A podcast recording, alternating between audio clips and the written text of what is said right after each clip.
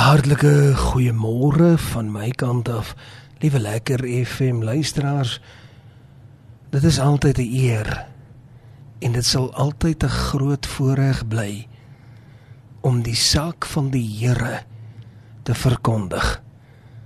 En ek wil jou baie graag dan nou ook vanmôre uitnooi om saam met my in die woord van die Here te kom indelf om te vertrou dat die Here weet wat hy doen. Om te vertrou dat die Here ook in ons gees sekere sake kom bevestig. Mag jy daar waar jy is vanmôre het sy nog daar by die huis is of op pad huis toe of miskien al by die werk is, mag die Here jou ryklik seën. Mag vanmôre se woord vir jou iets beteken. Ons praat hierdie week spesifiek nog oor die lyding wat Paulus deurgegaan het.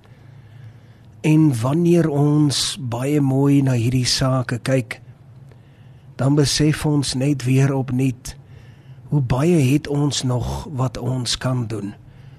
Jy weet baie maal dink ek 'n mens word beproef tot die uiterste en dan dan dink jy by jouself maar jy sal nie meer kan vat nie en dan lees jy wat Paulus deurgegaan het en dan in skaamte laat sak jy jou kop want jy besef maar net weer. Jy besef maar net weer hoe die Here eintlik maar genadig is teenoor ons. Want as jy kyk waar deur Paulus gegaan het dan kan 'n mens nie anders as om net weer te besef dat ek maar weer moet opstaan en die saak van die Here maar weer moet veg van voor af nie en dat ons nie hoef te kla nie. Ek kry baie maal wanneer ek deur hierdie spesifieke skrif lees en ons het juis gister en eergister ook daaroor gepraat. Maar dan kry ek eintlik so 'n bevestiging in my hart veral wanneer hy praat van die feit dat hy ook 'n bietjie mag roem, maar dat hy dit doen in onverstandigheid. Met ander woorde, hy skryf daar op 'n baie skerp manier, praat hy eintlik daar met die Korinte. Spesifiek daar in die tweede brief aan die Korinte, die 11de hoofstuk, en spesifiek daar van vers 16 af, dan so op so skerp manier dan dan sal hy hulle daar tot 'n nuwe insig laat kom want baie maal dan dink ons dit gaan oor die groot dinge. En dan kom Paulus en hy laat ons verstaan, maar dit gaan nie eintlik soos die Engelsman sê oor die showmanship nie. Dit gaan eintlik oor die rou saak van die Here en waar op daardie glyskaal of op daardie grafieklyn bevind jy jouself? As jy nou vanmôre die inhoudsopgawe moet doen waar bevind jy jouself? Jy weet baie maal dink ek ons sal eintlik skaam staan as ons regtig gaan kyk na ons eie lewe want ons sal baie baie vinnig kla oor letterlik die minste ons sal baie vinnig kla as iets net 'n bietjie ongemaklik raak. Maar min wetende dat dinge vir Paulus so ongemaklik, so swaar en so uiters sleg was en hy het nog steeds die meeste van die Nuwe Testament geskryf. Hy het tot die laaste dag het hy die Here se naam verkondig al was hy meer kere in die gevangenis as wat ek en jy kan tel. Al het hy so baie probleme gehad.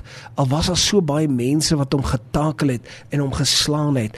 Al het die Jode hom pak slag gegee letterlik 5 maal het hulle vir hom 40 houe op een nagegee.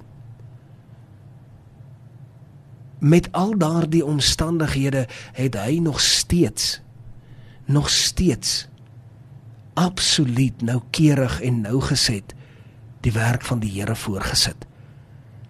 So ek wil vra dat jy saam met my jou Bybel sal oopmaak, dat jy dit net daar sal hê.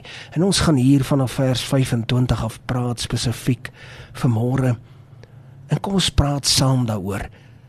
Maar voordat ons dit doen, kom ons sit net daar, sluit die oë en ons bid saam. Here, baie dankie. Dankie vir u woord.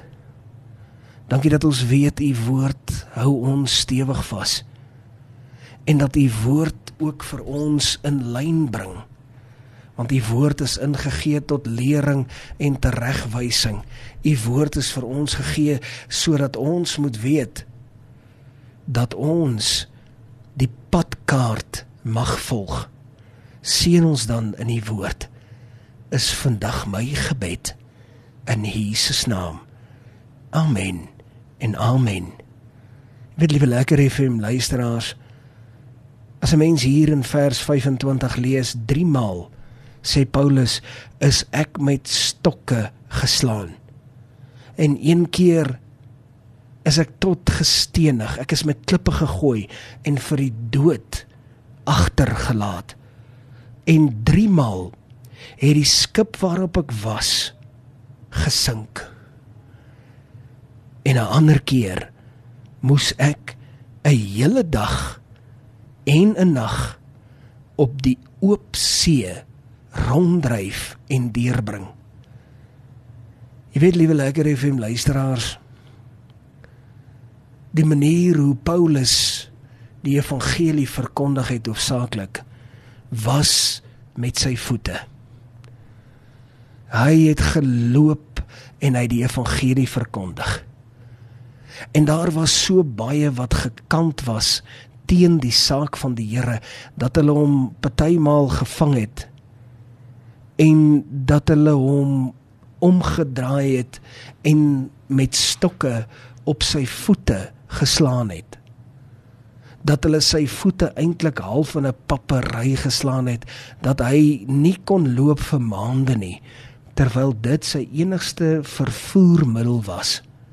Hy kon nie iewerste beweeg as sy voete in daardie tipe papery ingeslaan was nie en dit moes hy deurgaan. En dan kan ek jou help om te dink dat ons maar partykeer 'n blok of 2 of 3 moet loop om by die kerk uit te kom, by 'n erediens uit te kom nie. Dis al reeds te veel. Ander kere het ons nodig om 5 blokke te loop en dan vra ons dat iemand ons kom haal as ons besluit om te gaan en as die persoon sê hulle kan dit nie maak nie dan gaan ons dit eenvoudig net nie op na die huis van die Here nie. Maar hier word Paulus geslaan op sy voete dat dit uiteindelik 'n papery is.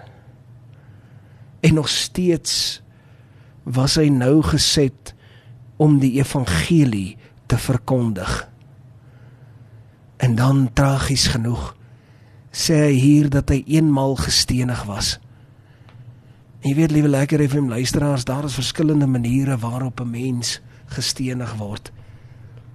Jy weet, dit is sekerlik die mees verskriklikste ding dat 'n ander mens met klippe gegooi word. Jy weet as as iemand 'n klip moet optel en jou dreig om jou te gooi, dan begin jy al baie bang raak want jy weet daai klip, jy gaan 10 teen 1 gaan jy nie vinnig genoeg uit die pad uit kan spring voordat daardie klip jou tref nie. Jy gaan baie ver moet wegstaan. En dan miskien kan jy betyds wegkom. Wat as jy nie betyds kan wegkom nie en wat as daar 10 of 20 of 50 mense staan en letterlik 30, 40 of 50 klippe kom op een slag op jou af? Dink 'n bietjie by jouself dat jy 50 klippe jou moet tref. Hoe gaan jou liggaam lyk? En hier sê Paulus dat hy gestenig was en hulle het hom gelos vir die dood. Hulle het hom net daar gelos. Want hulle was seker hy's dood. En die kanse dat hulle amper reg was is goed want mense oorleef nie as as iemand jou stenig nie. As 'n groep mense jou stenig, gaan jy nie sommer oorleef nie. En hulle het vir Paulus net daar gelos want hulle het gedink dis dis neusie verby. En dan dink ek aan hoe ons met ons sake omgaan. in 'n moderne eeu. En ja, miskien verskil die die klippe 'n bietjie van daardie tyd se klippe en miskien verskil die die stokke 'n bietjie met daardie tyd se stokke, die metodes waarop die vyand jou aanval verskil 'n bietjie. Maar is dit nie treffend dat ons partymal die dinge op so 'n gemaklike staat wil hê? En dat ons nie bereid is om net 'n bietjie te sê, weet jy wat, ek staan vas vir die saak van die Here, al is dit hoe moeilik, ek wil graag vas staan. Maar jy weet, liewe lekker FM vriende, hy stop nie daar nie. Hy gaan 'n bietjie verder. En hy sê, weet jy, terwyl ek op pad was om die evangelie te gaan verkondig, ek is juis op pad om die saak van die Here te verkondig, toe sink die skip waarop ek gegaan het. En ek meen daardie skip lei skipbreek terwyl ek op pad is en baie maal wil ek en jy sê maar ons doen nou nou die ding wat die Here wil hê ons moet doen. Ek verstaan dan nie wat aangaan nie. Hier was Paulus die einste man wat die meeste van die Nuwe Testament geskryf het. Hier is sy skip besig om skipbreek te lei terwyl hy en onderwyl hy op pad is om die evangelie te gaan verkondig. En dan sê hy die ergste van alles is daar was 'n ander keer wat ek letterlik die hele dag en die hele nag op die oop see gespandeer het. Die hele dag en die hele nag het ek op die oop see gespandeer. En uiteindelik sekerlik net voor ek verdrink het of deur die son verskroei was, het iemand my in die hande gekry. Liewe lekker FM luisteraars. Ek is seker jy sal vanmôre saamstem. Jy weet ek ek ek trek min of meer in die helfte van wat arme Paulus moes deurgaan. En elke saak is 'n saak wat vir my so swaar weeg dat ek by myself dink dat as ek een keer so iets moes deurgaan, weet ek darm nie. En mag die Here dan hierdie arme arme sondaar genadig wees. Mag die Here my hart ook binne in sy hand vat. Mag hy vir ons ywer gee vir die saak van die Here. Want ek sal ook graag dieselfde ywer wil hê as wat Paulus gehad het. Want as Paulus dit kon doen, liefste lekker effe vriend, dan kan jy dit ook doen. Dan kan ek dit ook doen. Hoekom is ons dan nie bereid om ons hande hoog in die lug op te steek en sê Here, nie van môre af nie. Nie van oor môre of volgende maand nie of volgende jaar nie. Nee nee, Here, van nou af, van hierdie einste oomblik af, gaan ek die saak van die Here bevorder. Gaan ek bid dat U my sal lei, gaan ek vra dat U my sal help, Here, in Jesus naam.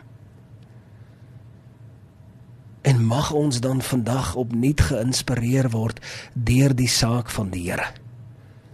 Tot sover die woord van die Here. Kom ons sit net so. Dan sluit ons die oë, dan bid ons saam. Hemelse Vader, Here, ek wil vandag my kop in skaamte laat sak. En ek wil openlik en hardop erken, Here, dat ons maar maar nie weet wat is opoffering as ons luister na wat Paulus deur moes maak nie. Here gee vir ons die nodige ywer en krag. Gee vir ons daardie wil, daardie absolute wil om vir U iets te beteken. En Here dat ons sal aanhou en aanhou en nie stop nie. Dat ons nie sal stop nie, maar dat ons sal voortbeer in die kosbare naam van Jesus. En Here, hierdie sake vra ons nie omdat ons dink ons verdien dit nie. Nee.